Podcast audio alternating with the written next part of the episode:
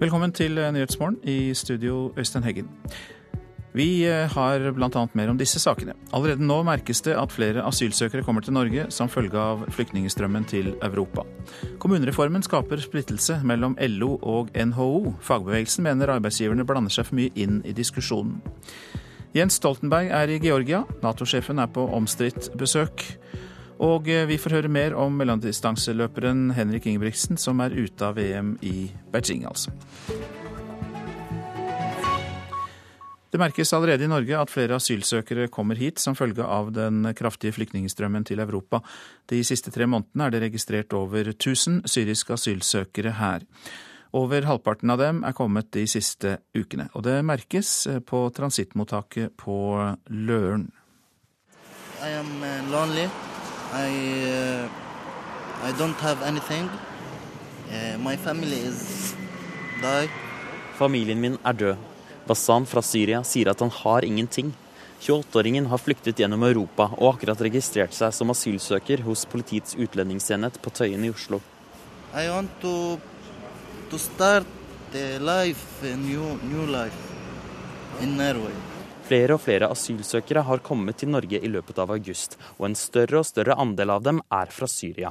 De siste ukene har Politiets utlendingsenhet registrert langt over 500 asylsøkere i snitt i uka, sett opp mot en vanlig uke, der tallet ligger nede på 100 til 150. Og det merkes, forteller leder for registrering og identitetsfastsettelse, Snorre Øynes. Ja, jeg vil understreke at det er en krevende situasjon for Politiets utlendingsenhet når vi opplever en tilnærmet fire- til femdobling på antall asylsøkere. I sommer så har mellom 30 og 40% oppgitt å være fra Syria. Og det er en økning fra tidligere i år. Ifølge tall fra Refstad transittmottak, hvor nesten alle landets asylsøkere går igjennom, har de i løpet av de siste tre månedene tatt imot 1079 asylsøkere fra Syria. Nesten 600 av disse har bare kommet i august. Økningen er en prøvelse for mottakssystemet, sier direktør i UDI, Frode Forfang. Det, det, blir en ekstra utfordring eh, når det gjelder eh, bosetting av flyktninger, fordi vi ser at veldig mange av de som nå kommer, er mennesker som erfaringsvis kommer til å få opphold i Norge. Det har vært en jevn økning, men det har vært en uh, kraftig økning nå i sommer særlig, og særlig de aller siste ukene. Og det er nok det vi nå ser også sørøst i Europa, at de uh, flyktningvandringene som vi ser gjennom Hellas, Tyrkia, oppover gjennom Balkan, nordover Europa, at Norge får sin andel av dette. Og det er det vi ser resultatet av. Reporter Martin Holvik hadde vært på Løren transittmottak i Oslo. Nato-sjefen er altså i Georgia. Jens Stoltenberg skal åpne et felles treningssenter der. Både senteret og besøket er omstridt, fordi det skjer i det vi kan kalle Russlands bakgård. Og Korrespondent Morten Jentoft, du er også med i Georgias hovedstad Tbilisi nå. Og hva er det som er så omstridt? Ja, altså dette er jo en del av den pakken som Nato tilbød Georgia etter dette Wales-toppmøtet i fjor, som jo skjedde under sterke inntrykk fra det som hadde da eh, eh skjedd i Georgia i månedene tidligere, da, eh, der Russland da eh, eh blandet seg kraftig inn i konflikten i Ukraina. Georgia var redd for at det samme eventuelt kan skje på nytt her. Vi husker det som skjedde i 2008, da russiske styrker gikk inn og rett og slett avgjorde konflikten om denne utbryterrepublikken sør Sør-Ossetia med militærmakt. Georgia eh, ønsket eh, eh, garantier for at Nato da fremdeles bryr seg om det. NATO, Georgia har jo ønsket Nato-medlemskap. Nato har vært forsiktig med det. De vet at det vil virke veldig provoserende på Russland. Dette treningssenteret som da skal opprettes, er et slags svar fra Nato da til Georgia om at man satser også her i landet, selv om man da ikke kan tilby dem fullt medlemskap med det første.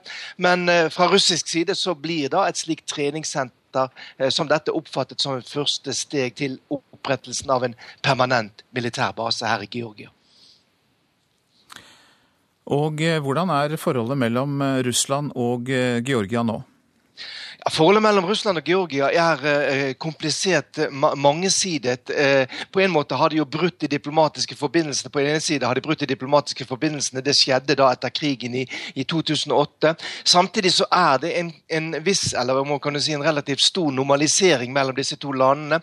Vi skal huske på at det historisk gjennom flere hundre år har vært tette bånd mellom georgiere og eh, russere. og eh, Hundretusener, for ikke å snakke om kanskje en million georgiere har sitt arbeid i, i, i, Russland. Eh, jeg merket selv i går at det var eh, masse folk på flyet mellom Moskva og Tiblisi.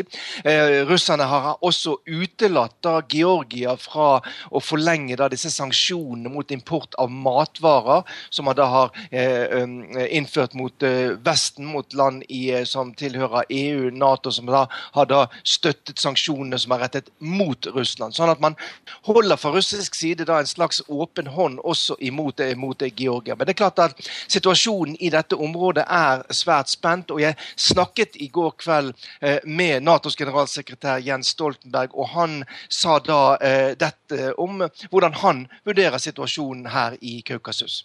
Det vi ser nå er at det er et eh, mønster der eh, Russland eh, bruker militær makt for å endre landegrenser. Vi ser at de også flytter grenser her inne i Georgia. Hvordan reagerer Nato på det? Dette har jo skjedd bare de siste ukene. Vi tar veldig sterkt avstand fra det, har gjort det hver gang det har skjedd. og Vi er opptatt av å støtte Georgia både politisk og praktisk. Og støtte deres uavhengighet og grensenes ukrenkelighet. og Derfor er det alvorlig det vi ser skjer. Både her i Georgia, men også i Ukraina. Det er et mønster der Russland bruker makt for å endre landegrenser i naboland. Georgia ønsker å bli medlem av Nato. Nå blir det det? Det Nato har sagt, er at eh, Georgia eh, vil eh, bli medlemmer av Nato. Vi har ikke satt noe tidspunkt. og Det som nå er viktig, er at Georgia fortsetter med demokratiske reformer. Fortsetter å sikre en utvikling med respekt for lov og rett, pressefrihet. Og Det er den type reformer som er viktige for Georgia uansett, men også er bidrag til å gjøre Georgia klare for Nato-medlemskap. Nato-generalsekretær Jens Stoltenberg intervjuet av Morten Jentoft, og det skjedde altså i Georgias hovedstad Tbilisi. Og nå hjem igjen og til striden om kommunereformen. Diskusjonen skaper eh, splittelse også mellom landets to største arbeidslivsorganisasjoner. For LO er sterkt kritisk til at NHO-ledelsen har gått inn i debatten og tallfestet et ideelt antall kommuner til 77. Det er en uting å blande seg inn på den måten, sier LO-leder Gerd Kristiansen. Når det gjelder eh, diskusjonen rundt eh, kommunereform, så må det bli opp til kommunene å diskutere seg fram til hva som vil være det beste der de befinner seg. Og er, For oss så er det ikke gitt at store regioner, som hun faktisk foreslår, er til det beste for, eh, for landet vårt. LO-leder Gerd Kristiansen mener altså næringslivets hovedorganisasjon har gått langt over streken i debatten om kommunereformen. Og NRK understreker lederen i landets største arbeidstagerorganisasjon at NHO aldri skulle ha tallfestet et ideelt antall kommuner til 77. Jeg vil ikke si om det er for mange eller for få det får bli opp til norske kommuner å finne ut av. Det er norske kommuner som skal ta denne diskusjonen. Og jeg syns det er en uting at vi på overordna nivå driver og blander oss inn i den diskusjonen. NHOs administrerende direktør Kristin Skogen Lund avviser kritikken fra LO blankt, og holder fast ved at det var riktig å gå ut med det hun mener er et ideelt antall kommuner. 77 er en ambisjon, ikke nødvendigvis et realistisk mål, men eh, det mener jeg er helt feil. Fordi kommunestruktur og en god lokal offentlig forvaltning er avgjørende viktig for næringslivet rundt i Norges land. Og vi mener at den kan bli bedre ved å ha større kommuner der du har et bo- og arbeidsmarked under ett. Da får du også bedre kompetanse. Du kan planlegge dette i en sammenheng, og det vil gagne næringslivet. Derfor er vi opptatt av det. Og reporteren her, det var eh, Eirik Ramberg. Så til avisene. Emilie Stordalen er på forsiden av Dagens Næringsliv. 23-åringen går i far Petter Stordalens fotspor og har gått på en av verdens beste hotellskoler. Men Emilie setter størst pris på pappas tips over middagsbordet. Vi får advarsler mot feil bruk av reseptfrie legemidler i VG i dag. Antall forgiftninger etter bruk av paracetamol er doblet siden 2003. Folkehelseinstituttet mener at vi er mindre forsiktige når vi bruker reseptfrie legemidler, og at det er mye feilbruk av nettopp paracetamol. De usynlige syke taper i helsekøen, er oppslaget i Vårt Land. Vi er bedre til å redde liv enn til å forebygge og behandle ikke-dødelige sykdommer, sier Kåre Birger Hagen. Han leder revmatologisk avdeling ved Diakonhjemmets sykehus. 15 000 unge dropper ut av videregående skole hvert år, og problemene starter allerede i første klasse, sier oppvekstforsker Anders Bakken til Dagsavisen. Det er eh, nærmest eh, lovmessig at en svak prestasjon avler en ny svak prestasjon, sier Bakken. Oljeserviceselskapene Aker Solutions og Subsea 7 er oppkjøpskandidater, kan vi lese i Finansavisen. Begge selskaper steg på børsen i går. Analytikere venter seg en oppkjøpsbølge, fordi oljeserviceselskapene må slå seg sammen for å møte konkurransen i et marked med kollaps i oljeprisen. NHOs kommunekamp for å få antall kommuner ned fra 428 til 77 er drevet av et ønske om mer privatisering. Det hevder professor Reidar Almås ved Bygdeforskning til Nasjonen. Det blir eh, avvist av NHO, som sier at deres undersøkelse viser at ordførere og rådmenn foretrekker større kommuner. Klimapanelets temperaturmodell feiler. CO2 utgjør en relativt liten rolle for klimaendringene. Ja, det er sitater fra Fedrelandsvennens forside. Avisa har intervjuet fysikeren Stein Bergsmark ved Universitetet i Agder, som mener at klimaforskerne bør få øynene opp for sola og andre naturlige variabler som påvirker klimaet. Ifølge avhør av narkotikatiltalte Gjermund Cappelen har han smuglet over 100 partier narkotika inn i landet, skriver Aftenposten. Han kan være en av de største aktørene i Norge. Åtte i hans krets er tiltalt, men avisa skriver at flere er under etterforskning. Og nå om det vi hørte i Dagsnytt, at mellomdistanseløperen Henrik Ingebrigtsen er ute av VM i Beijing. Han kom på niendeplass i nattens 1500 meter med tiden 3.43,97. Jeg lå egentlig der jeg ville etter altså når det var 300 meter igjen. Men så Faen, så var den inne briten på brøyta seg ut. Traff jeg hælen hans, holdt på å dette. Og sånn da måtte jeg begynne på ny, faen. Da må jeg få snakke litt med Ronny Nilsen og se om, jeg, om jeg skal legge inn protest. Jeg tror det kan være grunnlag for det. Hvorfor tenker du at det kan være grunnlag for det? Ja, altså Han ødela jo løpet mitt. Men eh, det er jævlig bra nivå nå, men faen. Nei, det, det Nei, jeg vet ikke følte meg egentlig ganske bra, men så sånn på slutten der, det er liksom ikke så mye jeg kan gjøre. Nå er du på niendeplass, 3.43,97. Nei, nei, det holder ikke. Få noe drit. Ja, det sa Henrik Ingebrigtsen. Og intervjuer i Beijing, det var Knut Skeie Solberg. Og vi legger til at Karoline Bjerkeli Grøvdal eh, heller ikke klarte å ta seg videre fra 5000-meteren i kvalifiseringen. Isabel Pedersen var eneste lyspunkt Eh, hun kvalifiserte seg til semifinalen 100, på 100 meter hekk. Du lytter til Nyhetsmorgen. Klokka passerte nettopp 6.46, og dette er hovedsaker. KrF advarer regjeringen mot store kutt i formuesskatten. Regjeringspartiene sier skattelette blir viktig i neste statsbudsjett. Norske tiendeklassinger blir stadig dårligere i matematikk. Vi har et stort problem, sier kunnskapsministeren. Mer om det etter klokka sju her i Nyhetsmorgen. Allerede nå merkes det at flere asylsøkere kommer til Norge som følge av flyktningstrømmen til Europa.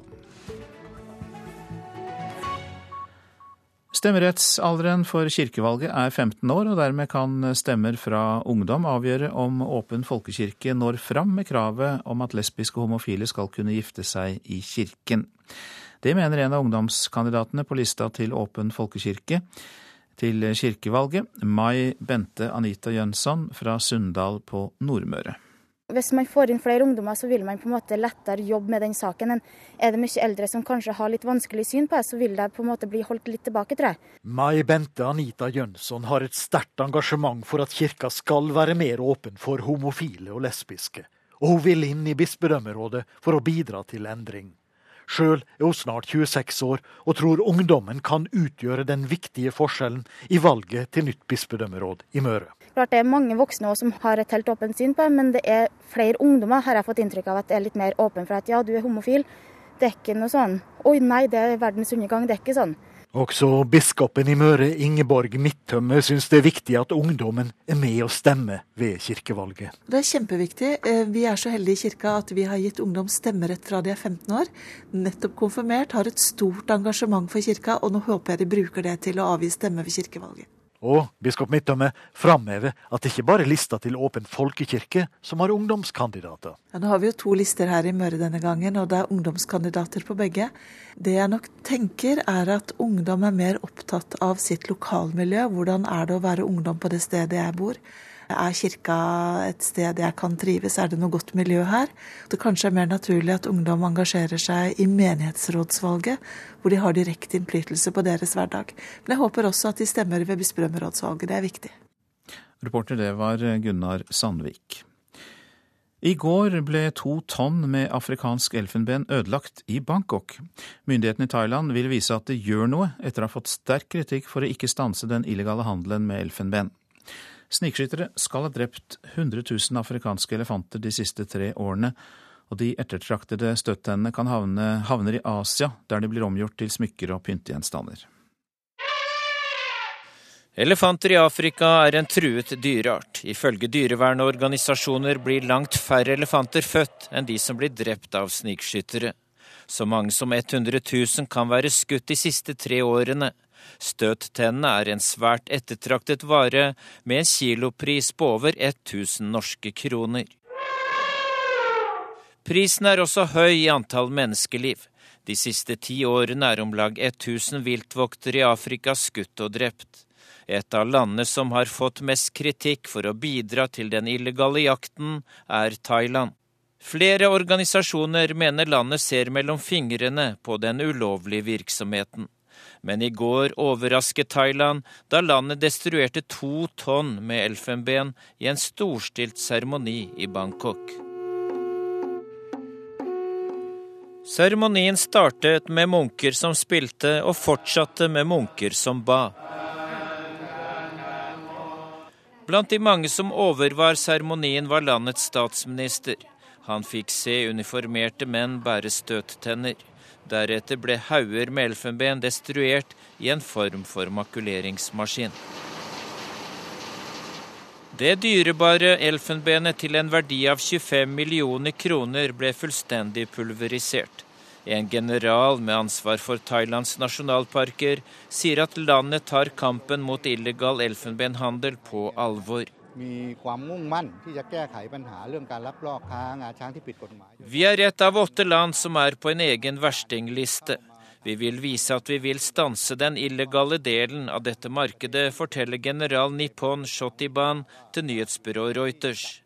Flere dyrevernorganisasjoner har vært kritiske til Thailands unnfallenhet. Noen har foreslått handelsboikott av landet. Det må ikke skje, sier generalen.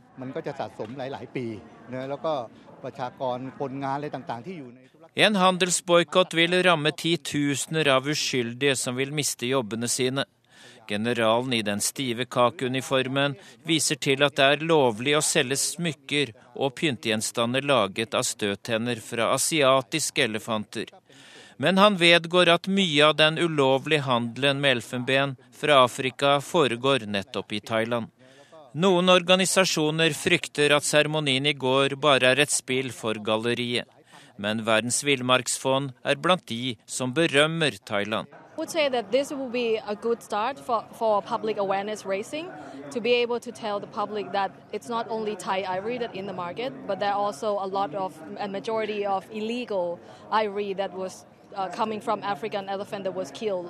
Dette er en god start på en kampanje som vil gjøre innbyggerne og turistene mer bevisste på at det meste av handelen med elfenben er ulovlig. Det sier Jan Pai Ong Siri Vitaya i WWF. Dyrevernorganisasjonene mener nettopp at turister har et stort ansvar når de velger å kjøpe smykker og pyntegjenstander laget av elfenben. Ingen vet nøyaktig hvor mange afrikanske elefanter det er i dag, men trolig ligger bestanden på fra 500 000 til 700 000. Med 30 000 drepte hvert år reduseres antallet raskt. Kampen mot såkalt blodelfenben er i gang i Thailand. Denne reportasjen var laget av Dag Bredvei. Endringer i mediene gjør at forbudet mot politisk TV-reklame er under press. Det mener Arbeiderpartiets mediepolitiske talsmann Arild Grande. Denne høsten skal partiet drøfte en ny mediepolitikk, og da er det naturlig at de også ser på reklameforbudet. Hei, jeg heter Jonas og vil gjerne vise deg fremtidens Norge. Denne reklamen for Arbeiderpartiet må du på nett for å se. Det sørger forbudet mot politisk TV-reklame for. Men nå er dette forbudet under press, sier mediepolitisk talsmann i Arbeiderpartiet, Arild Grande. Jeg tror nok debatten eh, vil komme framover, og at vi, det norske forbudet vil bli utfordra. Nettopp fordi vi ser at eh, det som tidligere var tydelig skille mellom eh, reklame på kringkasting og reklame i papirannonser, det, det, er ikke så tydelig lenger. Tidligere denne veka lufta Raymond Johansen i Arbeiderpartiet tanken om å oppheve forbudet. Det setter ny fart i debatten. I dag er det flertall på Stortinget for å oppheve reklameforbudet, men Svein Harberg i Høyre sier det ikke vil fremme sak før det har et eh, politisk bredere flertall. Det har ikke vært en sak som har vært løftet fram til nå, nettopp fordi det har vært stor motstand på den andre siden av den politiske skillelinjen. Når du skal gjøre noe som eh, i så stor grad har betydning for alle de politiske partiene, så syns jeg det er viktig at det er litt tverrpolitisk enighet om det. Og her er det Arbeiderpartiet som sitter med nøkkelen. Denne høsten skal demokrati- og medieutvalget i partiet meisle ut en ny mediepolitikk, og da er det naturlig å se på forbudet, sier Grande. Først må vi ha en uh, diskusjon, uh, og Arbeiderpartiets demokrati- og medieutvalg skal lage sin innstilling på ny mediepolitikk i løpet av høsten. Da kan vi ta en skikkelig gjennomgang av det her. Jeg tror nok vi fortsatt vil være svært skeptiske til å åpne opp for politisk reklame på, på kringkasting. Men jeg tror vi må ta den debatten, fordi at de tydelige skillene vi så før, ikke eksisterer lenger.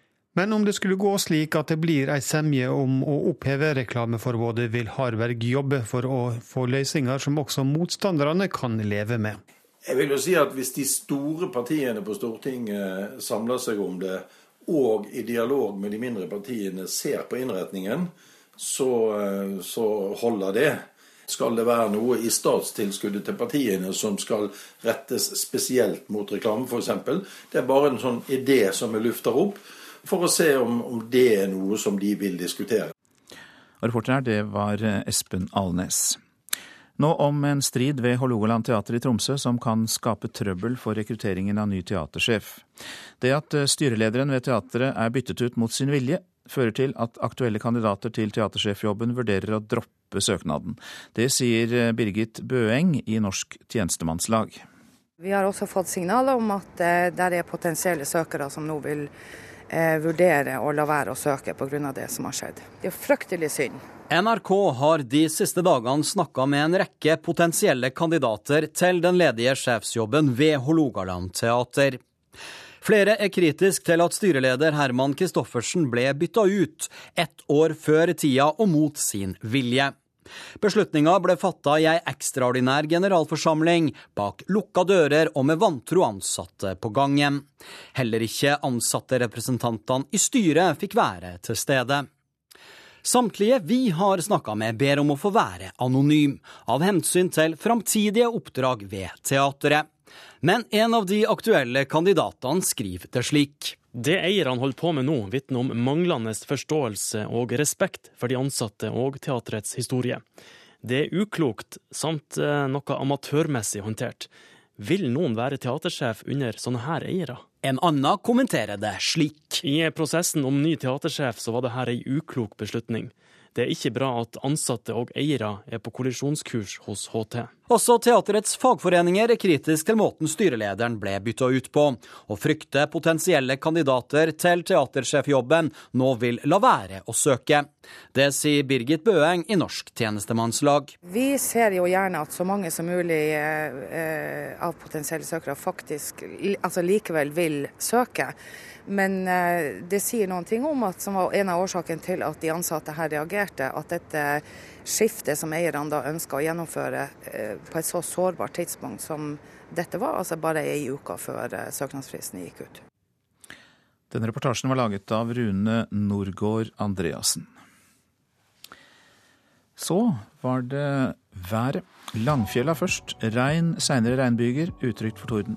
Fjell i Sør-Norge unntatt Langfjella. Sørlig stiv kuling utsatte steder. Minkende vind utover ettermiddagen. Regn, seinere regnbyger og gløtt av sol. Østlandet får regn i dag, seinere regnbyger og litt sol. Det er utrygt for torden, lokalt mye nedbør først på dagen. Telemark og Agder, på kysten periodevis liten sørvestlig kuling. Regn. Seinere regnbyger og perioder med sol. Utrygt for torden også der. Rogaland og Hordaland for det meste skyet. Regnbyger utrygt for torden. Fra i ettermiddag sørvest liten kuling på kysten. Så går vi til Sogn og Fjordane, som får sørlig liten kuling utsatte steder, og for det meste skyet vær. Regnbyger og utrygt for eh, torden også der. Og Møre og Romsdal får det meste skyet og regnbyger og torden. Trøndelag regnbyger og utrygt for torden. Fra i ettermiddag sørvest liten kuling på kysten, og utover kvelden minkende vind. Nordland østlig liten kuling utsatte steder, stort sett pent vær, men fra i ettermiddag kan det bli litt regn sør i Nordland. Og vi går til Troms, som får pent vær i dag, men det blir skyet i grensetraktene. Fra i ettermiddag eh, kan det komme opp i østlig liten kuling utsatte steder i eh, Troms. Finnmark på kysten i vest periodevis liten kuling. Mye pent vær i vestlige kyst- og fjordstrøk, ellers for det meste skyet. Og Nordensjøland på Spitsbergen får oppholdsvær og perioder med sol, til og med. Temperaturer målt klokka fem. Svalbard fem, Kirkenes åtte, Vardø sju, Alta elleve, Tromsø sju, Bodø 18. Brønnøysund og Trondheim-Værnes begge med 17 grader. Molde, Bergen og Stavanger alle tre med 15. Kristiansand, Gardermoen og Lillehammer med 16 grader. Røros 13 og Oslo-Blindern 16.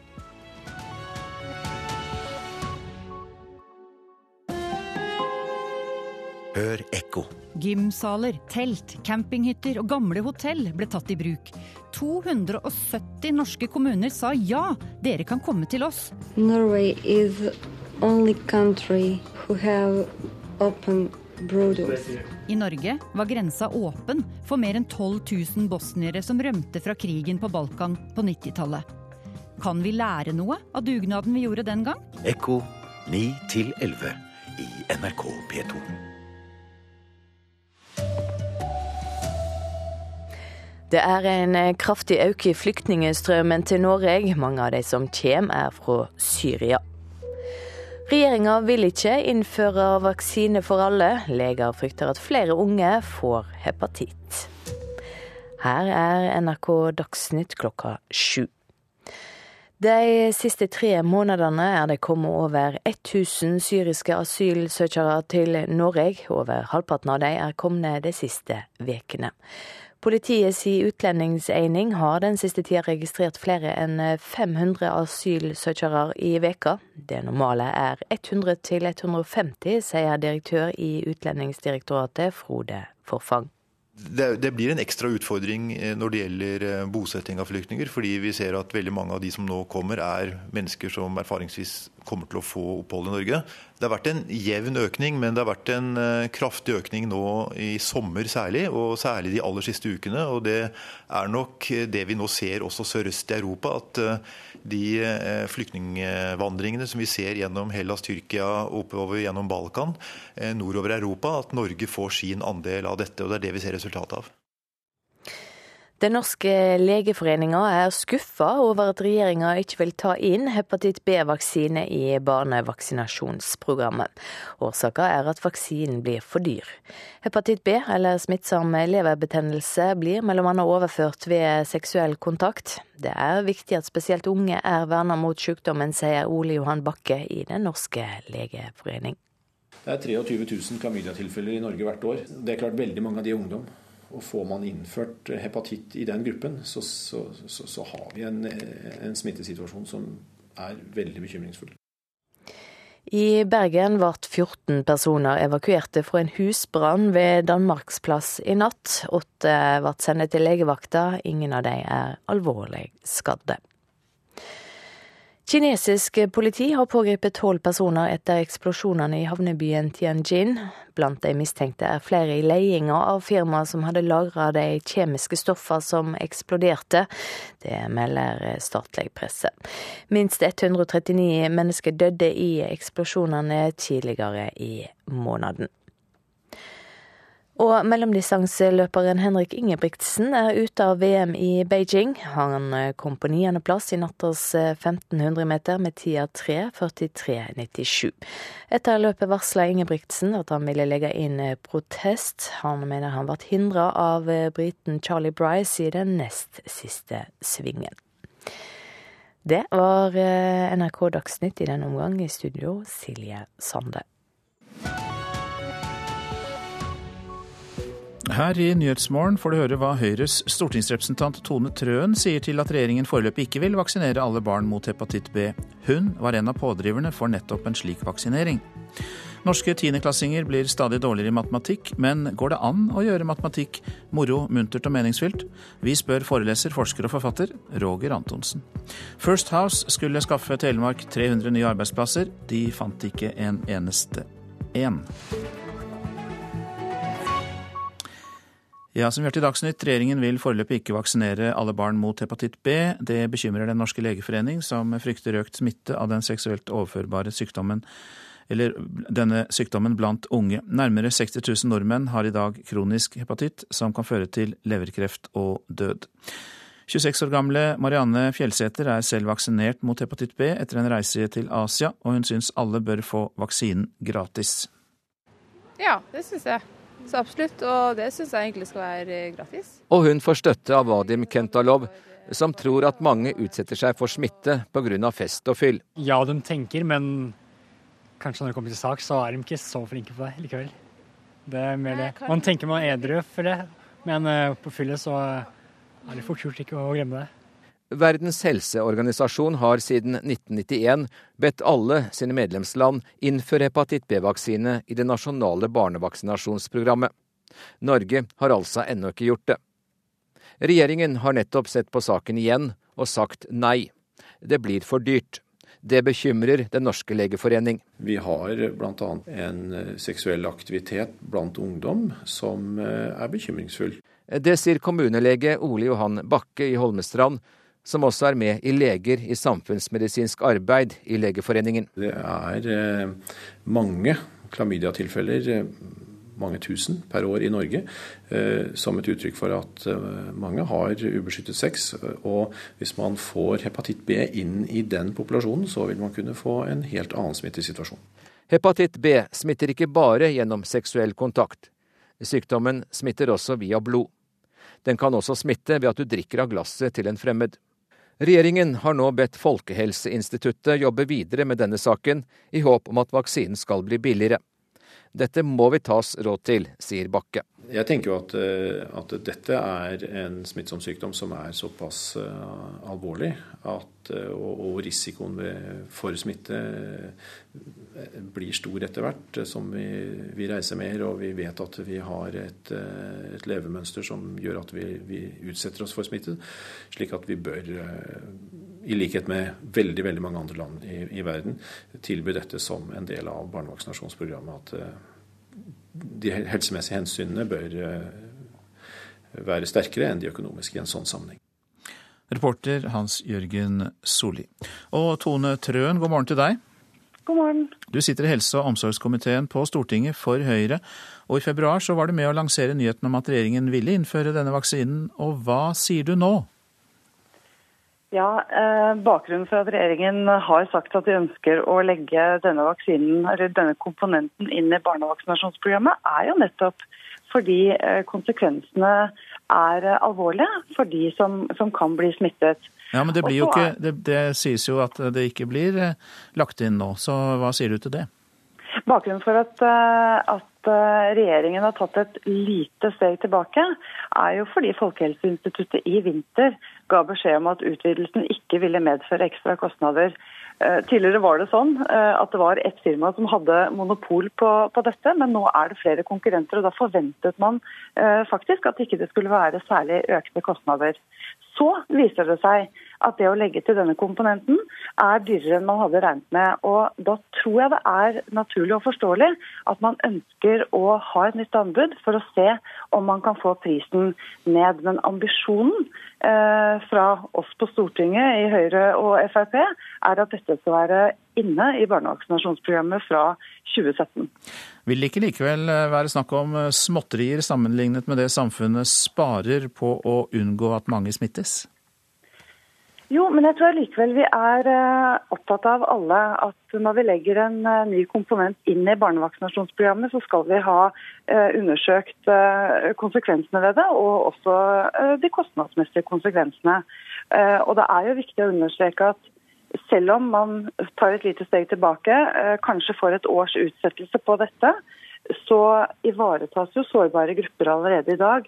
Man fortsetter jo den praksisen man har i dag med å ha særskilte vaksinasjonsprogram for, for sårbare grupper. Det gjelder jo særlig, særlig nyfødte.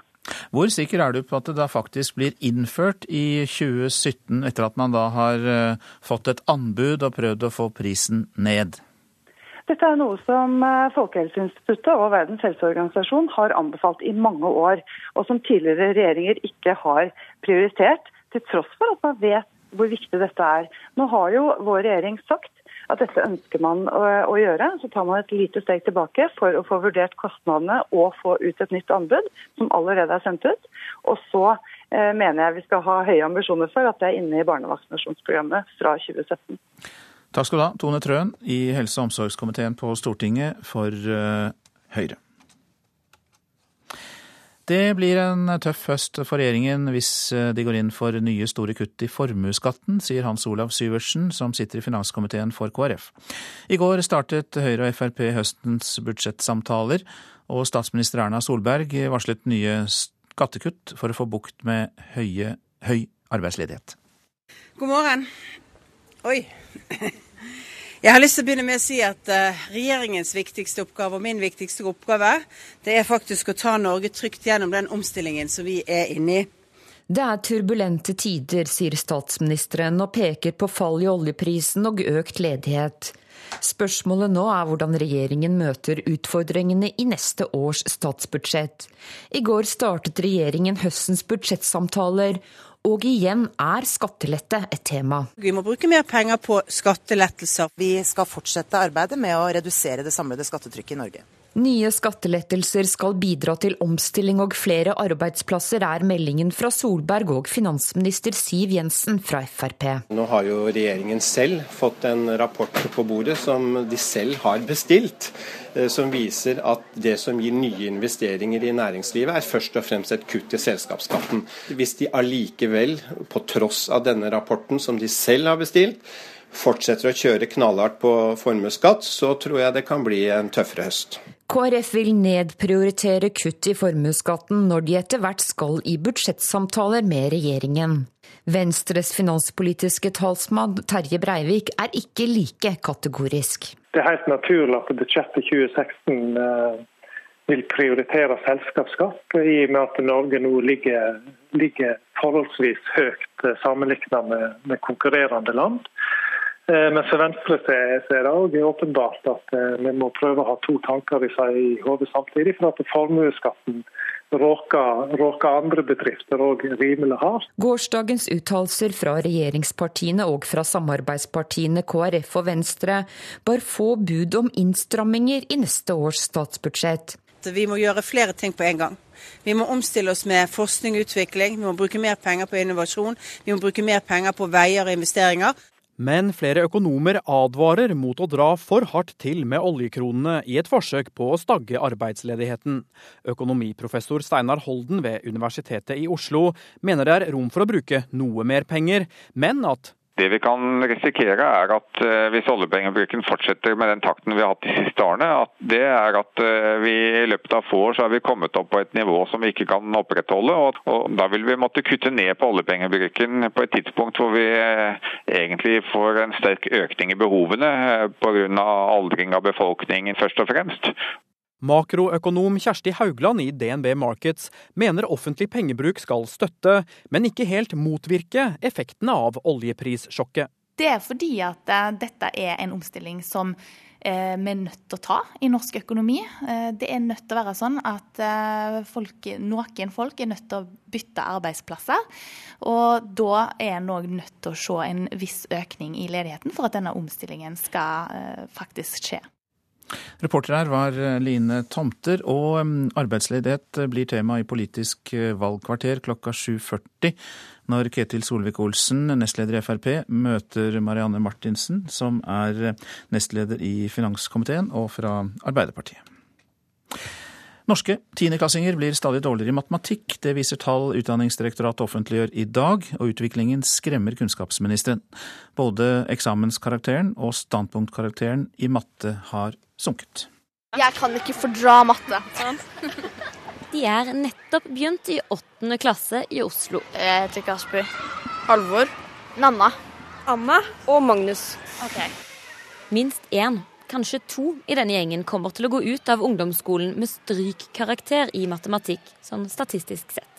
Og det bekymrer kunnskapsminister Torbjørn Røe Isaksen. Vi vil si at det er, det er, et veldig stort problem. Vi har et realfagsproblem. Og det betyr både at uh, sjansen for at flere, flere, elever faller fra, er stor.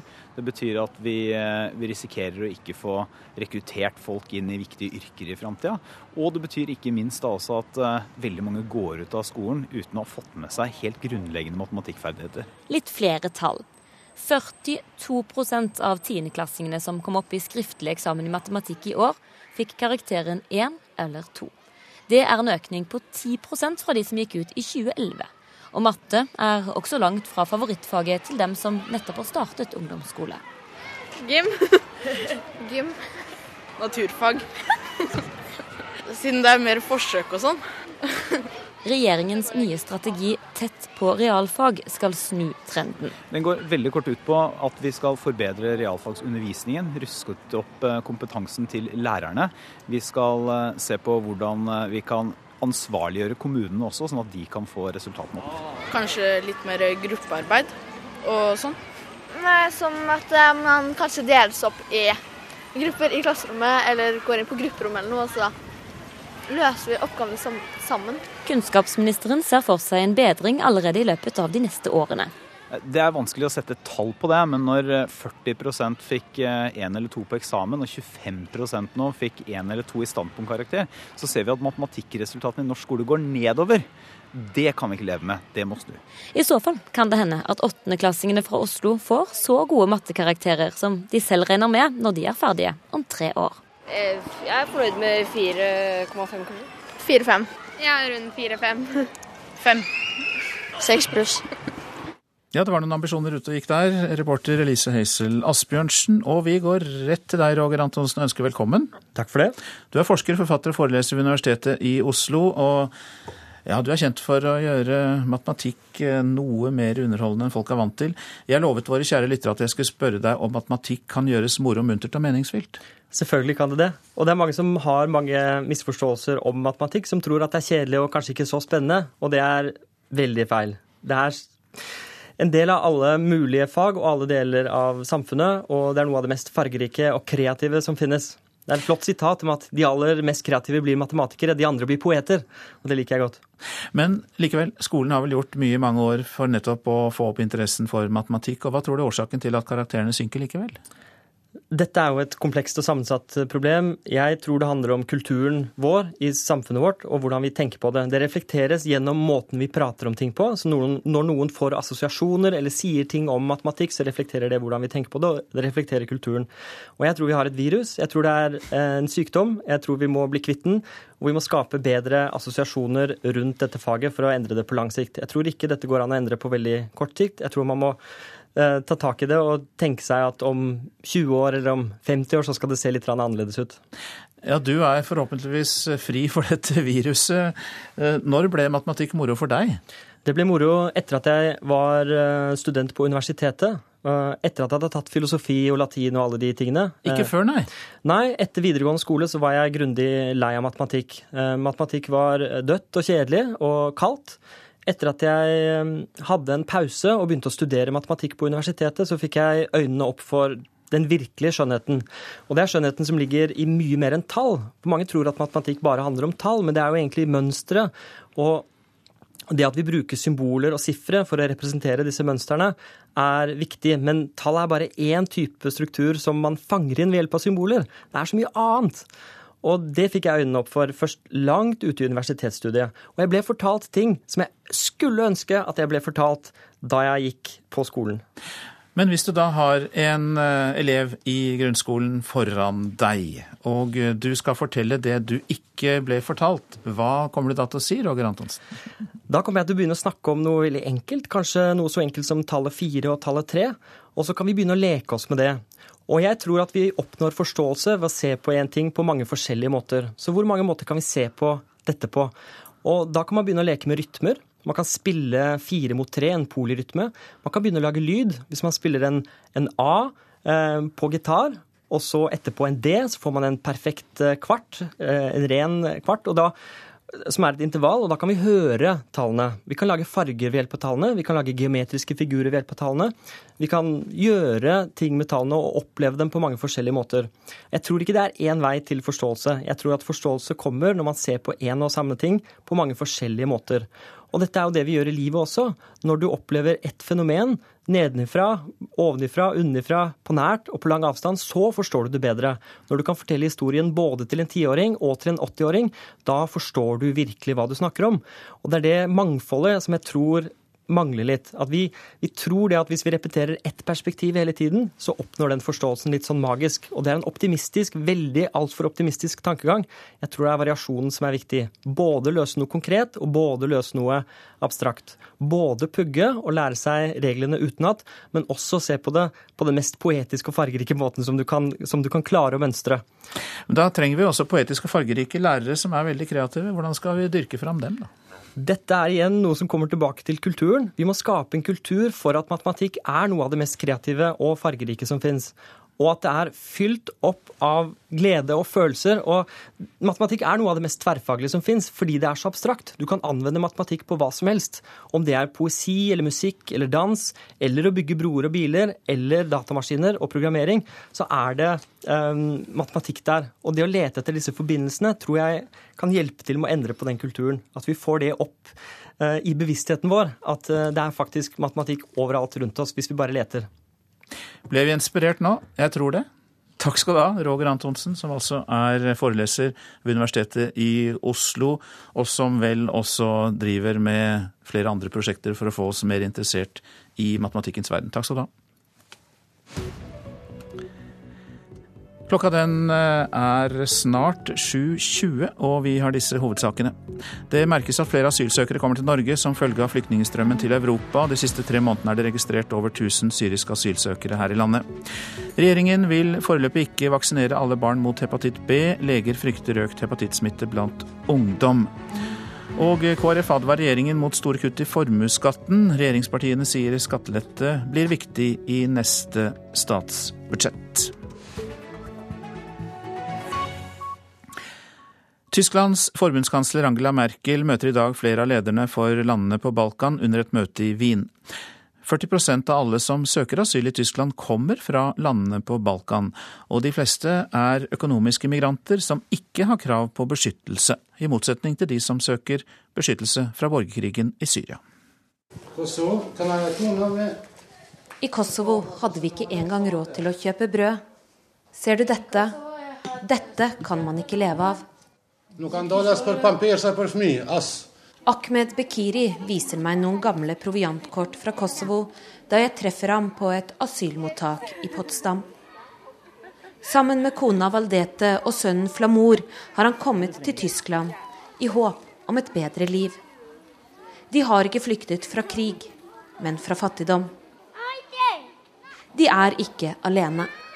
Asylsøkere fra Kosovo, Albania, Serbia og Makedonia utgjør til sammen 40% av asylsøkerne her i Tyskland. Men bare godt under 1% av dem får opphold. Landene de kommer fra blir sett på som trygge, og fattigdom er ingen grunn for asyl.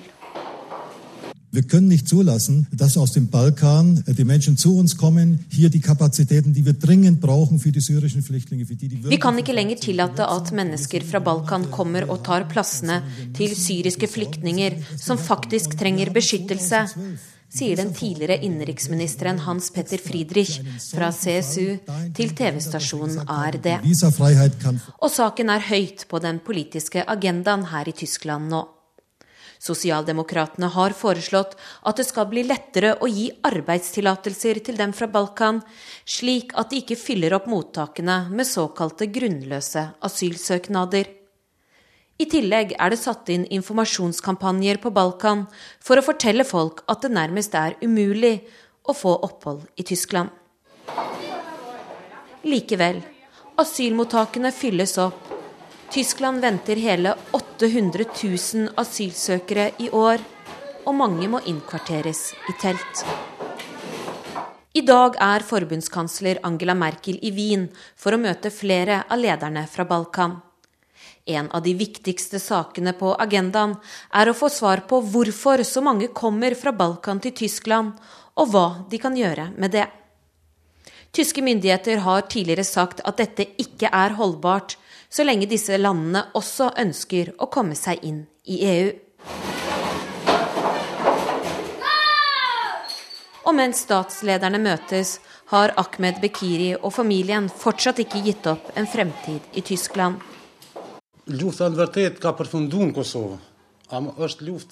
Krigen er riktignok over, men etter den var det ingen jobb å få, og jeg er nødt til å sørge for at familien min får mat, sier han. Guri Nordstrøm, Berlin. Nå til avisene. Emilie Stordalen er på forsiden av Dagens Næringsliv. 23-åringen går i far Petter Stordalens fotspor og har gått på en av verdens beste hotellskoler. Men Emilie setter størst pris på pappas tips over middagsbordet. Vi får advarsler mot feil bruk av reseptfrie legemidler i VG. Antall forgiftninger etter bruk av paracetamol er doblet siden 2003. Folkehelseinstituttet mener at vi er mindre forsiktige når vi bruker reseptfrie legemidler, og at det er mye feilbruk av nettopp paracetamol. De usynlig syke taper i helsekøen, er oppslaget i Vårt Land. Vi er bedre til å redde liv enn til å forebygge og behandle ikke-dødelige sykdommer. Det sier Kåre Birger Hagen, leder av revmatologisk avdeling ved Diakonhjemmet sykehus. 15 000 unge dropper ut av videregående skole hvert år, og problemene starter allerede i første klasse. Det sier oppvekstforsker Anders Bakken til Dagsavisen. Det er nærmest lovmessig at en svak prestasjon avler en ny svak prestasjon, sier Bakken. Oljeserviceselskapene Aker Solutions og Subsea 7 er oppkjøpskandidater, kan vi lese i Finansavisen. Begge selskaper steg på børsen i går. Analytikere venter seg en oppkjøpsbølge, fordi oljeserviceselskapene må slå seg sammen for å møte konkurransen i et marked med kollaps i oljeprisen. NHOs kommunekamp for å få antall flyktninger ned fra 428 til 77 er drevet av et ønske om mer privatisering. Det hevder professor Reidar Almås ved Bygdeforskning til Nasjonen. Det blir eh, avvist av NHO, som sier at deres undersøkelse viser at ordfører og rådmenn foretrekker større kommuner. Klimapanelets temperaturmodeller feiler. CO2 utgjør en relativt liten rolle for klimaendringene. Det er sitatet fra Fedrelandsvennens forside i dag. Avisa har intervjuet fysikeren Stein Rings Bergsmark ved Universitetet i Agder, som mener at klimaforskerne bør få øynene opp for sola og andre naturlige variabler som påvirker klimaet. Ifølge avhør av narkotikatiltalte Gjermund Cappelen har han smuglet over 100 partier narkotika, skriver Aftenposten. Han kan være en av de største aktørene i Norge. Åtte i hans krets er tiltalt, men flere er under, et, under etterforskning, skriver avisa. Kommunikasjonsbyrået First House lovet å skaffe Telemark 300 nye arbeidsplasser. Foreløpig har de ikke klart å skaffe en eneste en. Telemark fylkeskommune har punget ut med over fem millioner kroner for arbeidet som er gjort. NRK har gått gjennom samtlige fakturaer, og de viser workshop, seminarer, møter, forberedelse og middager med et utrolig magert utbytte. Det har kostet skattebetaleren, eller Telemark fylkeskommune, over fem millioner kroner. Avtalen mellom fylkeskommunen og First House var på over sju millioner kroner med moms. First House sine egne folk har jobbet for tre millioner. De resterende to millionene er utgifter fra Boston Consulting Group, som First House har brukt som konsulenter. Nå er det ti måneder igjen å skaffe de 300 arbeidsplassene. Skiensmannen Bjørn Rikard Johansen er prosjektleder i First House og leder dette arbeidet. Så langt så har vi ikke klart å få tak i en storfisk ennå, og det er jo det som er målet. Målet er jo å skape mellom én til fem store virksomheter i Telemark, altså få mellom 300 og 500 arbeidsplasser. og Det skulle jeg gjerne ha likt å skryte av, men det har vi dessverre ikke klart enda. Men vi jakter. Nei, det er ikke enkelt å skaffe nye arbeidsplasser til Telemark. First House har vært i kontakt med en rekke høyteknologiske bedrifter, men de glapp til slutt, og ingen nye står i kø. Jeg vant til at uh, vi må stå på helt til vi uh, kommer i, i mål. Juni neste år er da tidspunktet hvor prosjektet er over. Og nå jobber vi nå tidlig på høsten med å prioritere de selskapene vi da skal forsøke å jakte intenst etter i det siste året vi er inne i prosjektet. Over fem millioner kroner har prosjektet kostet Telemark fylkeskommune, og dyrere blir det inntil sju millioner er nådd. Men dersom First House ikke klarer å skaffe arbeidsplassene, må de da betale tilbake pengene, fylkesordfører Terje Riis-Johansen. Ja, Det syns jeg jo er et litt rart spørsmål å stille midtveis i et prosjekt. Midtveis, altså ti måneder igjen? Ja, vi har, ja, vi har holdt på i to år. Vi har ett år igjen. Uh, og vi skal, uh, vi skal, jobbe videre for å Men hvis dere ikke, klar, ikke klarer å få noen jobber, hva da? Ja, Som sagt så er det her en del av en helhetlig jobbing i næringsarbeid i Telemark. Eh, hvor da vi bruker borti 200 millioner kroner over en toårsperiode. Det her, er, eh, det her er viktig at vi klarer å eh, løfte Telemark for å ikke lenger være det fylket som har den høyeste arbeidsledigheten, og hvor vi ligger da i feil ende av altfor mange statistikker. Men det står jo i kontrakten at de skal skaffe 300 arbeidsplasser innen juni 2016. Ja, Vi har valgt å være offensive. For vi har ment at det har vært viktig å sette krav i denne prosessen. Det har vært enklere for oss ikke å satt et sånt mål i dette arbeidet. Jeg er utålmodig for å skape arbeidsplasser i, eh, i Telemark. Eh, og jeg er eh, sånn sett helt sikker på at vi også kommer til å, å se resultater. Om de kommer i år, neste år eller om noe lengre tid, det er altfor tidlig å si. Og reporter i innslaget, det var Tor Øystein Eriksen. Prosent for Nyhetsmorgen, Eli Bjelland. Her i studio, Øystein Heggen. Arbeidsledighet blir tema i Politisk valgkvarter klokka 7.40. Det blir debatt mellom Frp-nestleder Ketil Solvik-Olsen og Marianne Martinsen, nestleder i finanskomiteen fra Arbeiderpartiet.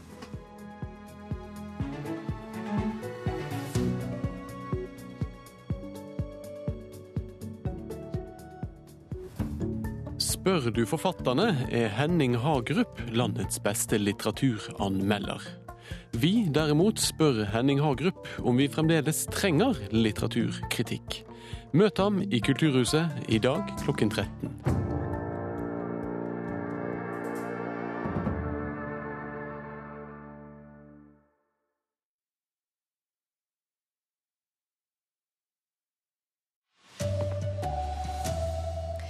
Tallet på asylsøkere til Norge er firedobla de siste ukene. Mange av de som kommer, har mista alt. Legeforeninga vil vaksinere alle mot hepatitt B, men regjeringa sier nei. Og snittkarakterene i matte på ungdomsskolen går nedover. Det uroer kunnskapsministeren. God morgen, her er NRK Dagsnytt klokka 7.30. Mange flykter til Europa, og nå merker vi det også i Norge. De siste tre månedene er det registrert over 1000 syriske asylsøkere, og over halvparten av dem er kommet de siste ukene. Mange har mista alt. Uh, Familien min er død. Bassan fra Syria sier at han har ingenting. 28-åringen har flyktet gjennom Europa og akkurat registrert seg som asylsøker hos Politiets utlendingsenhet på Tøyen i Oslo.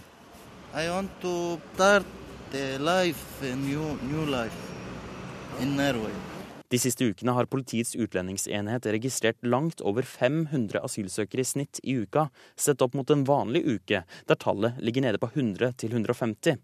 Og det merkes, forteller leder for registrering og identitetsfastsettelse, Snorre Øynes. Ja, jeg vil understreke at det er en krevende situasjon for Politiets utlendingsenhet når vi opplever en tilnærmet fire- til femdobling på antall asylsøkere. I sommer så har mellom 30 og 40% oppgitt å være fra Syria. Og det er en økning fra tidligere i år. Ifølge tall fra Refstad transittmottak, hvor nesten alle landets asylsøkere går igjennom, har de i løpet av de siste tre månedene tatt imot 1079 asylsøkere fra Syria. Nesten 600 av disse har bare kommet i august. Økningen er en prøvelse for mottakssystemet, sier direktør i UDI, Frode Forfang. Det har vært en eh, kraftig økning nå i sommer særlig, og særlig de aller siste ukene. Og det er nok det vi nå ser også sørøst i Europa, at eh, de eh, flyktningvandringene som vi ser gjennom Hellas, Tyrkia, oppover gjennom Balkan, eh, nordover Europa, at Norge får sin andel av dette. og Det er det vi ser resultatet av. Reporter Martin Holvik. Regjeringa vil foreløpig ikke vaksinere alle barn mot hepatitt B. Det uroer Legeforeninga, som frykter økt smitte av den seksuelt overførbare sykdommen blant unge. Nesten 60 000 nordmenn har i dag kronisk hepatitt, som kan føre til leverkreft og død. Marianne Fjellsæter er sjøl vaksinert mot hepatitt B etter ei reise til Asia. Hun synes alle bør få vaksinen gratis. Ja, det syns jeg. Så absolutt, og det syns jeg egentlig skal være gratis. Og hun får støtte av Vadim Kentalov, som tror at mange utsetter seg for smitte pga. fest og fyll. Ja, de tenker, men kanskje når det kommer til sak, så er de ikke så flinke på det likevel. Det er mer det. Man tenker man er edru for det, men eh, på fyllet så er det fort gjort ikke å glemme det. Verdens helseorganisasjon har siden 1991 bedt alle sine medlemsland innføre hepatitt B-vaksine i det nasjonale barnevaksinasjonsprogrammet. Norge har altså ennå ikke gjort det. Regjeringen har nettopp sett på saken igjen og sagt nei. Det blir for dyrt. Det bekymrer Den norske legeforening. Vi har bl.a. en eh, seksuell aktivitet blant ungdom som eh, er bekymringsfull. Det sier kommunelege Ole Johan Bakke i Holmestrand, som også er med i Leger i samfunnsmedisinsk arbeid i Legeforeningen. Det er eh, mange klamydiatilfeller, eh, mange tusen per år i Norge, eh, som et uttrykk for at mange har ubeskyttet sex. Og hvis man får hepatitt B inn i den populasjonen, så vil man kunne få en helt annen smittesituasjon.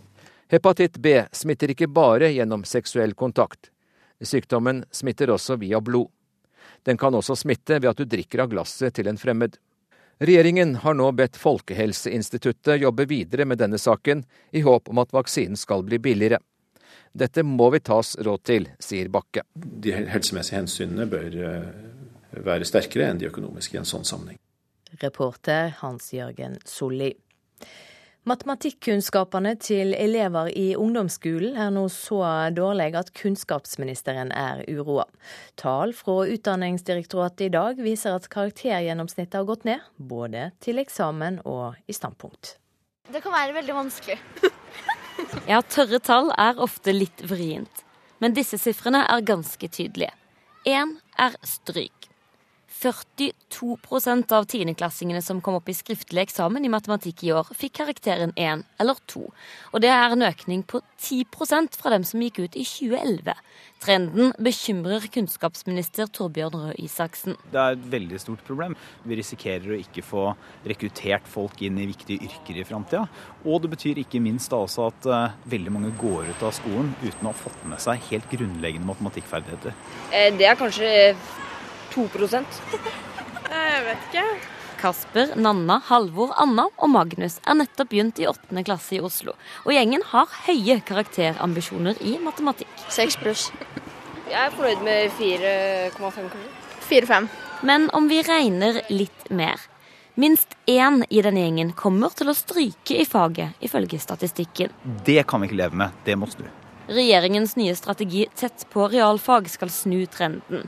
Mer utdanning til lærere og press på kommunene er oppskriften. I løpet av en fireårstid burde vi i hvert fall se resultater. Jeg kan ikke fordra matte. Reporter Elise Heisel Asbjørnsen. Med i studio nå forsker, forfatter og foreleser fra Universitetet i Oslo, Roger Antonsen. Hva kan foreldre gjøre for å stimulere matematikkinteresser hos barn og unge? Jeg tror man skal leke seg og undre seg og kose seg med faget. Tenk deg at du skal lære noen å spille gitar. Da vil du ikke bare gjøre det på én måte, du vil gjøre variasjonen. Så jeg tror det er viktig. Klare å se på tall og regning og mønstre på mange forskjellige måter. Og kanskje undre seg også. Stille seg spørsmålet hva er egentlig dette? Hva er uendelighet? Hva er egentlig et tall? Fins det et største tall? Fins det et minste tall? Og, og leke seg og se på det samme fenomenet på mange forskjellige måter. Hva mer må til, eh, mener du, for å bedre mattekunnskapene på ungdomsskolen? Jeg tror dette er et kulturelt problem. Jeg tror vi må endre på kulturen langsomt. Og jeg tror ikke det er noen enkel løsning på det. Um, man skal selvfølgelig gjøre, skal gjøre litt av alt um, for å oppnå dette og, komme i balanse. Så både å pugge og regne, det må til. Å øke kompetansen til lærerne og få det inn i kulturen at dette her er uh, spennende. Og jeg tror kanskje at man um, skal programmere også. Man kan blande inn um, programmering og koding i matematikken. Og Det er også et annet perspektiv på matte som gjør at man kan bli flinkere til det. Og Det er noe også foreldrene kan gjøre sammen med barna. De kan sette seg ned og programmere matematikk sammen med barna sine. Mer lek. Mer lek. Takk skal du ha for at du kom i studio, Roger eh, Antonsen. Det blir en tøff høst for regjeringa hvis de går inn for nye store kutt i formuesskatten. Det sier Hans Olav Syversen, som representerer KrF i finanskomiteen på Stortinget. I går starta Høyre og Fremskrittspartiet høstens budsjettsamtaler, og statsminister Erna Solberg varsla nye skattekutt for å få bukt med høyere arbeidsløse. God morgen. Oi. Jeg har lyst til å begynne med å si at uh, regjeringens viktigste oppgave og min viktigste oppgave, det er faktisk å ta Norge trygt gjennom den omstillingen som vi er inne i. Det er turbulente tider, sier statsministeren og peker på fall i oljeprisen og økt ledighet. Spørsmålet nå er hvordan regjeringen møter utfordringene i neste års statsbudsjett. I går startet regjeringen høstens budsjettsamtaler, og igjen er skattelette et tema. Vi må bruke mer penger på skattelettelser. Vi skal fortsette arbeidet med å redusere det samlede skattetrykket i Norge. Nye skattelettelser er noe av det som skal bidra til omstilling, er budskapet fra regjeringen. Men hvilken skatter som skal kuttes fremover, vil de ikke svare på nå. Nå har jo regjeringen selv fått en rapport på bordet som de selv har bestilt. Eh, som viser at det som gir nye investeringer i næringslivet, er først og fremst et kutt i selskapsskatten. Hvis de allikevel, på tross av denne rapporten som de selv har bestilt, fortsetter å kjøre knallhardt på formuesskatt, så tror jeg det kan bli en tøffere høst. KrF vil nedprioritere kutt i formuesskatten når de etter hvert skal i budsjettsamtaler med regjeringen. Venstres finanspolitiske talsmann Terje Breivik er ikke like kategorisk. For å gjøre det mer attraktivt å investere i, i arbeidsplasser og verdiskaping, eh, så er, så er, er både selskapsskatt og formuesskatt viktig. Reporter Line Tomter. Mellomdistanseløperen Henrik Ingebrigtsen er ute av VM i Beijing. Han kom på niendeplass i nattas 1500 meter med tida 3.43,97. Etter løpet varsla Ingebrigtsen at han ville legge inn protest. Han mener han ble hindra i den nest siste svingen. Ansvarlig for Dagsnytt denne morgenen, Anders Borgen Werring. Teknisk ansvarlig var Frode Thorshaug. Her i studio, Silje Sande.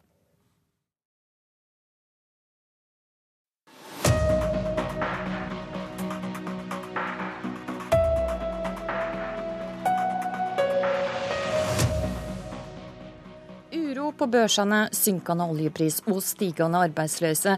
Regjeringa har ikke forstått alvoret. Nå må de sette inn strakstiltak, krever Ap.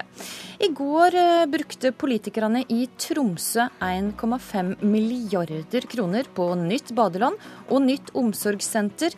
Er det en god idé når kommunekassa er skrapa? God morgen, dette er Politisk kvarter. I går kom altså nye tall fra SSBs arbeidskraftundersøking som viste at 4,5% eller 124 000 står uten jobb. Det er det høyeste tallet på ti år. Og Marianne Martinsen, nestleder i finanskomiteen for Arbeiderpartiet. Til Dagbladet i dag så sier din partileder at vi har ei regjering og et regjeringsparti, Frp, som snakker om Syria-flyktningene for å unngå fokus på at de sjøl sitter passive og ser på at arbeidsløysa øker. Mm. Hvordan grunngir det dette? Fordi vi ser at ledigheten stiger kraftig, og den stiger langt raskere enn det regjeringa har forutsatt i alle budsjetter de har kommet med til Stortinget det siste året. I høst så trodde de at det lå an til å bli 3,75 Eh, da revidert budsjett ble lagt fram i mai, så sa finansministeren at nå trodde hun at ledighetstoppen var nådd, og var helt sikker på at tiltakene skulle begynne å virke. Da var vi på 4,1. Så ble det 4,2, og nå er det 4,5. Og dette burde jo være det viktigste for Frp å snakke om i valgkampen.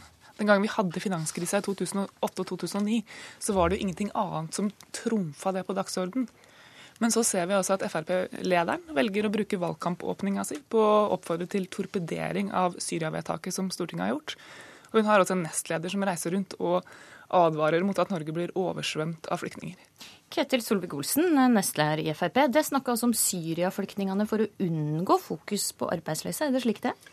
Det syns jeg virker om en litt eh, smålig debatt. Vi har opptatt av flyktningepolitikk, ja, men vi er sannelig opptatt av å skape arbeidsplasser og sørge for at arbeidsledigheten går ned igjen.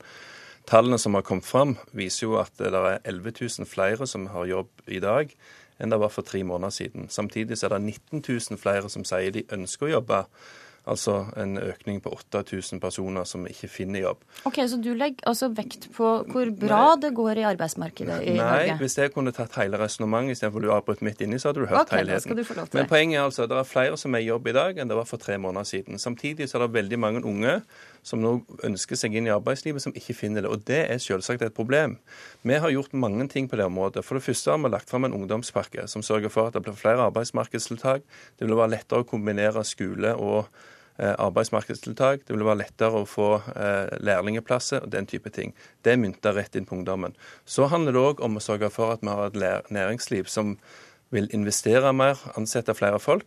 Der har vi brukt det. Hadde, det er litt forundret at Arbeiderpartiet ikke har fått med seg det ut fra den retorikken de har. Vi har endret på reglene som gjør at kraftforedlende industri nå investerer mer i Norge. Vi har endret på reglene som gjør at vi nå får investeringer i grønne datasenter. Vi har endret på reglene som gjør at det blir investert mer i fornybar energi. Jeg tror du Møye... kunne snakka sammenhengen om det tiltaket det har gjennomført det er så i veldig mange, så mange, mange minutter. Til, så mange tiltak som vi har gjennomført der vi endrer på regelverket i forhold til det Arbeiderpartiet hadde stramma inn, nettopp for å skape nye arbeidsplasser. Når Arbeiderpartiet ikke vil være med å diskutere rammebetingelser, men bare late som dette handler om Syria-flyktninger eller arbeidsledighet, så er det jo de som fordreier debatten til å bli usaklig. Ja, hør nå her. Her kommer regjeringa bakpå, og de kommer lite kraftfullt på mange av de tingene som Arbeiderpartiet har foreslått over lang tid. Ketil Solvik-Olsen nevner selv ting som eh, avgift på grønne datasentre. Vårt forslag fra budsjettet i fjor og så er det jo flott at man f.eks. snur på, på, permitteringsregelverket, men det gjør man også først etter at man stramma inn. Og partene i arbeidslivet etterlyste den endringa i et år okay, før men da regjeringa tar med deg to tinga. Her er to eksempel på at regjeringa kommer etter Arbeiderpartiet? Nei, fordi at i, eh, i, mange år så etterlyste Fremskrittspartiet disse endringene. Og Høyre og KrF og Venstre. I, i, nå snakker jeg om grønne datasenter. Fordi det var etterlyst at vi skulle få lavere elavgift. Arbeiderpartiet var imot det så lenge de styrte landet. Nå er det Frp, Høyre, KrF og Venstre som styrer landet. Elavgiften er blitt redusert. Vi sørger for at Hydro får lov til å beholde mer av vannkraften sin. Da investerer de mer. Det var Arbeiderpartiet som nekta de at de skulle få gjøre det. Det samme gjelder på avskrivningsregler. Du kommer ikke bort fra at Arbeiderpartiet foreslo dette først, og så nei, gjennomførte regjeringa det etterpå. Nei, poenget er at det var Arbeider... Både permitteringsreglene og eh, disse datasentrene. Nei, det er ikke riktig. Altså, for Du må jo se hva som faktisk har blitt gjort. I åtte år så ville ikke Arbeiderpartiet forbedre disse rammebetingelsene, for de lot olja få lov til å styre hele utviklingen. Vi sa det var bekymringsfullt. Jeg er for at vi skal utvikle olja, men vi må òg sørge for at rammebetingelsene for øvrig næringsliv er bedre. Det gjorde ikke Arbeiderpartiet når de styrte. De lot det skure gå.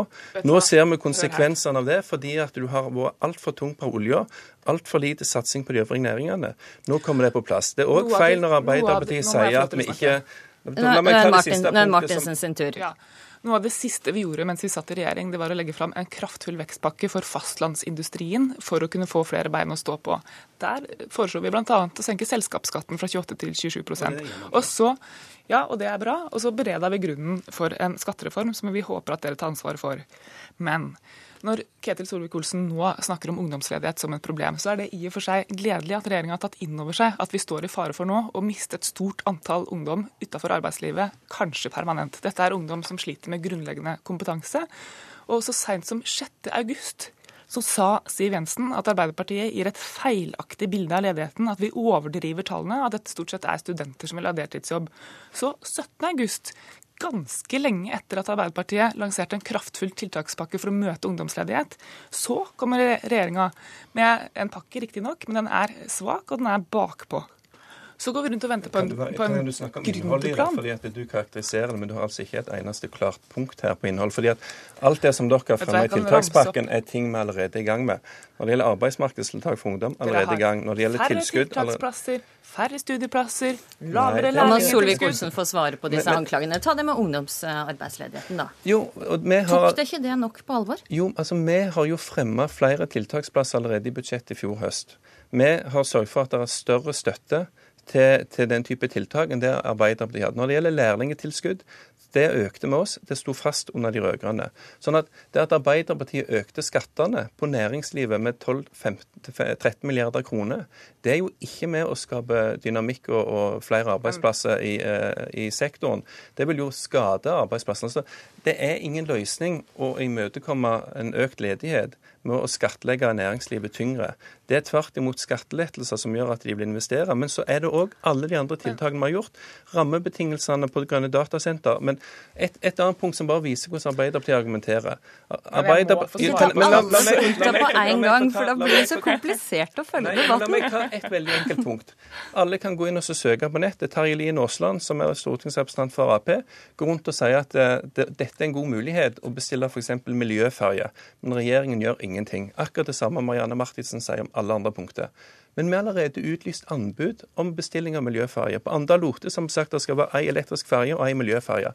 Igjen så er det et eksempel på hvordan Arbeiderpartiet nå går og snakker ned det som skjer i norsk økonomi. De går og later som det ikke skjer tiltak, selv om vi beviselig allerede har fremmet forslag, selv om vi allerede har endra blir- regler, selv om vi allerede har utlyst anbud. Og Da syns jeg vi skal få en debatt om realiteter og ikke om Det blir kjempefint. Det er vel sånn Marianne Martinsen, at Arbeiderpartiet har en eh, egen intensjon av å, eh, av å snakke opp krisa. Nei, Vi ønsker ikke å snakke opp noen krise. Vi bruker heller ikke kriseordet, fordi vi er ikke i en sammenlignbar situasjon som den vi hadde i 2008 og 2009. Dette Men det er skildrer den situasjonen vi står i, mer er- på en annen måte enn det regjeringa er- gjør. Ja, vi er bekymra for utviklinga, og vi er bekymra over at regjeringa presenterer feil svar. Det blir flott med én batteriferje. Jeg håper at de kan gå videre med vårt forslag, som betyr at vi får en massiv utskifting av ferjeflåta er langs hele kysten, og får verftene i arbeid.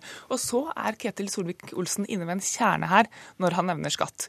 For det er jo dette som har vært regjeringas svar så langt. Og egentlig det eneste svaret med noe kraft i. Massive kutt, stort sett i formuesskatten.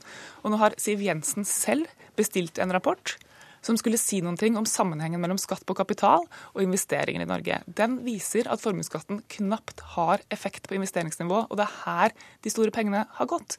Og det er klart at Når pengene har gått dit, så har man ikke mulighet til å prioritere målretta tiltak retta inn mot næringslivet, f.eks. vår gründerstøtte. Der var vi i formuesskattedebatten igjen. Jo, Du får svare på dette, Solvik-Olsen. For det første, når, når din partileder tror at formuesskatten handler om utenlandske selskap som ikke investerer i Norge, så har jo han allerede vist han ikke ja, men det, det, var jo han sjøl som sa han hadde besøkt et utenlandsk selskap, og de klarte ikke på formuesskatten. Det viser jo bare han ikke forsto problemet. For det andre, for det andre målretta tiltak som dere ikke kan prioritere. jo, for det andre, altså nå sa du det eneste vi holder på med er skatt. Så har jeg sagt vi endrer rammebetingelsene på det grønne datasenter, på fornybar energi, på oljesektoren, på ferjerederiene. Dette er altså rammebetingelser som dere gjorde dårligere, som vi har endra. Dette, sånn, dette er ting vi har holdt på med lenge før dette ble et problem, fordi vi må legge til rette for, for næringslivet. Grønne datasenter er fint, vi- og vi foreslo det for et år siden. Nei, det kommer jo ikke til å løse dette Jo, men, problemet. men, men, for, men forskjellen er at vi, snakket om dette i åtte rød-grønne år. Dere ville ikke etterkomme dette. Nå har vi styrt i 22 måneder, og det er på plass. Det er forskjellen. Av og til så tar det tid å endre regelverket, fordi at ingenting av dette var igangsatt under de rød-grønne. De gikk tvert imot feil vei. Nå er det i plass. Nå skulle jeg gjerne sørge for at dette var på plass 16.10.2013, dagen etter vi overtok. Det Altså, du- klarte du vi sitter ikke. og sier at alt gikk feil vei gjennom våre åtte år. Vi snakker Nei, jeg sier ikke 360 000 nye arbeidsplasser, sier- og vi håndterte en krise hvor ledigheten steg i Jeg- alle land i Europa. Den gangen ikke- også var det skattekutt som var deres svar. Nei. Dere ropte på skattekutt. Det Det var feil svar da, og det er feil svar nå. Hvis programlederen kan få komme inn et bitte lite øyeblikk her og høre om eh, stille et spørsmål. Eh, Marianne Martinsen, altså regjeringa sitter nå i sin siste budsjettkonferanse for å sluttføre budsjettet. Eh, Hvilke forventninger har du? For det første så forventer jeg at de kommer opp med målretta tiltak retta mot både de som mister jobben og de næringene som nå sliter mest i Norge. Og så har jeg en annen forventning, og det er at de lytter ikke bare til oss, men f.eks. til Knut Arild Hareide, som advarer kraftig mot å prioritere ytterligere kutt i formuesskatten som ikke fungerer på investeringsnivået i Norge, fordi de skattekuttene er med på å undergrave muligheten for å få til et bredt skatteforlik i Stortinget som kan sørge for at det blir mer lønnsomt å investere i Norge, og det trenger norsk næringsliv. Solvik-Olsen, får Marianne Martinsen det slik hun vil? Men hun får mye mer enn det hun vil. fordi at det der Arbeiderpartiet later som ingenting har skjedd. og Nå har jeg vist til f.eks. ferje. Det er veldig svart på hvitt. Ap sier ingenting har skjedd. Vi har allerede utlyst anbud. Det skal komme mer av dette. Det skal komme mer av bedre rammebetingelser som snur den utviklingen Ap hadde. Det skal komme lettelser i skatt som eh, næringslivet etterspør. Det kommer mer tiltak når det gjelder ungdomsledighet. Tiltak som ble igangsatt i fjor, som ble igangsatt i 2013, som Ap åpenbart ikke har fått med seg når jeg hører hvordan okay. argumenterer. Ketil Solvik-Olsen, du skal tilbake til eh, budsjettarbeidet. Takk for at du tok eh, turen innom Politisk, Politisk kvarter. Takk også til deg, nestleder i finanskomiteen komiteen Marianne Martinsen fra Arbeiderpartiet. Nå skal vi til Tromsø. For eh, før valget for fire år siden satt to høyretopper i hver sitt badekar og lova innbyggerne i byen nytt badeland hvis de fikk makta. I går var det siste kommunestyremøte før valget, og da blei Tromsøbadet vedtatt. Øyvind Hilmarsen, byrådsleder for Høyre og en av mennene i badekar før eh, forrige valg. Det er vel eh, nesten på plass med en gratulasjon? Tusen takk for det. Det var veldig hyggelig i går når dette Tromsøbadet endelig ble eh, vedtatt. Gi meg en kort beskrivelse av hva dette Tromsøbadet skal bli. Nei, Det skal bli et skikkelig bad for hele familien. For eh, de eldre og for idretten. Det er først og fremst et bad, et klassisk europeisk bad med mange kvaliteter, og det er ikke et badeland. Dette trenger Tromsøs befolkning etter at eh, badesituasjonen har vært forsømt i eh, over eh, ti år her i kommunen og ikke vært prioritert. Det ble Forstår. aldri noe, noe, vann i bassengene her i Tromsø under Stoltenberg. I går så vedtok det også et nytt omsorgssenter, og det gjorde altså vedtak for 1,5 milliarder kroner til sammen på både Tromsøbad og omsorgssenter. Hvor skal det hente disse pengene fra?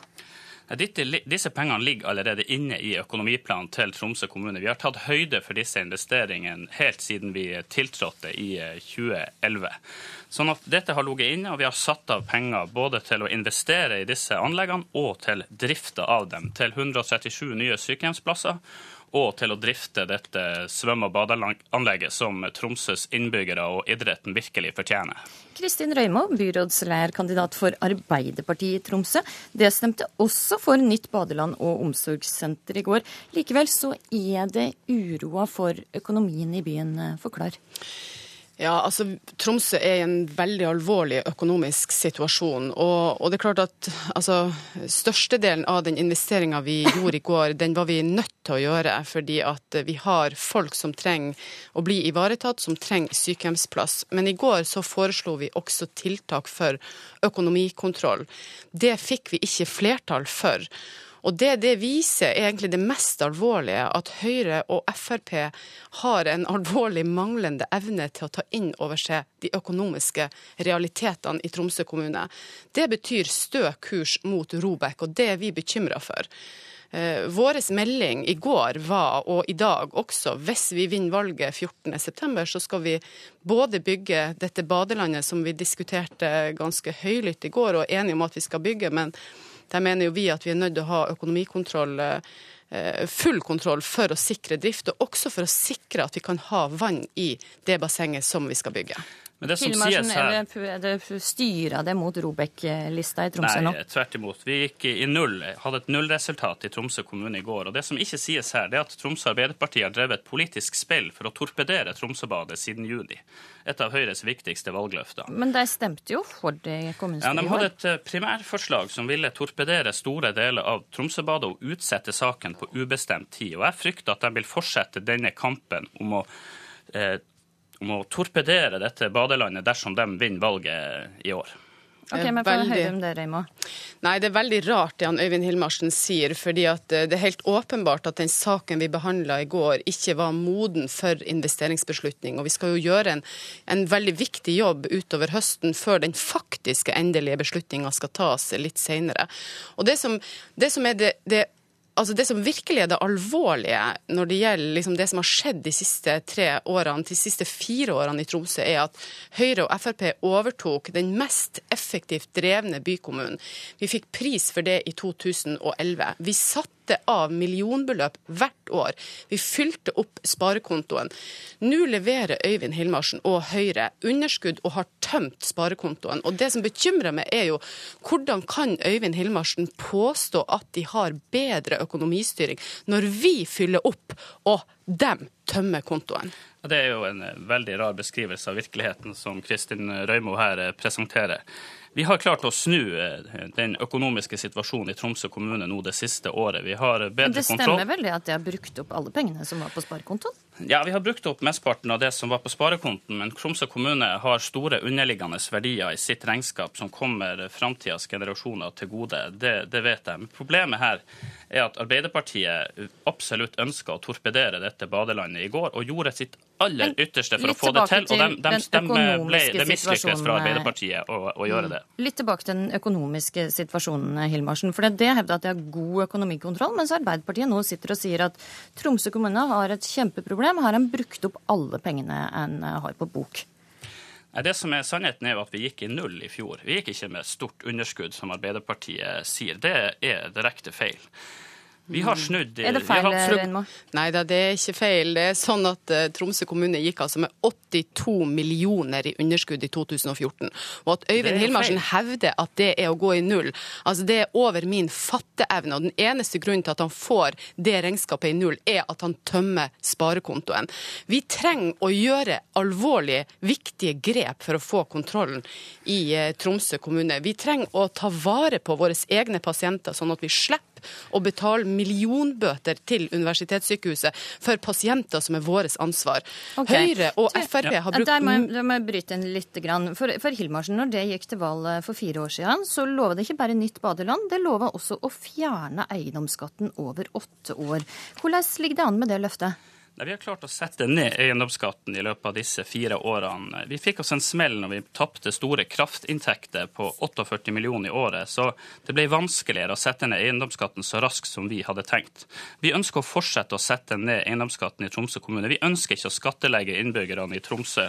Det å teppebombe dem med rushtidsavgift, som, som, det foreslås men, fra Arbeiderpartiet Men lover du fremdeles å fjerne eiendomsskatten, eller har det gått bort fra det løftet nå? Nei, vi går til valg på å, å redusere eiendomsskatten på bolig bolig de neste fire åra. Men det var ikke det jeg spurte om. Jeg spurte om lova det fremdeles å fjerne eiendomsskatten?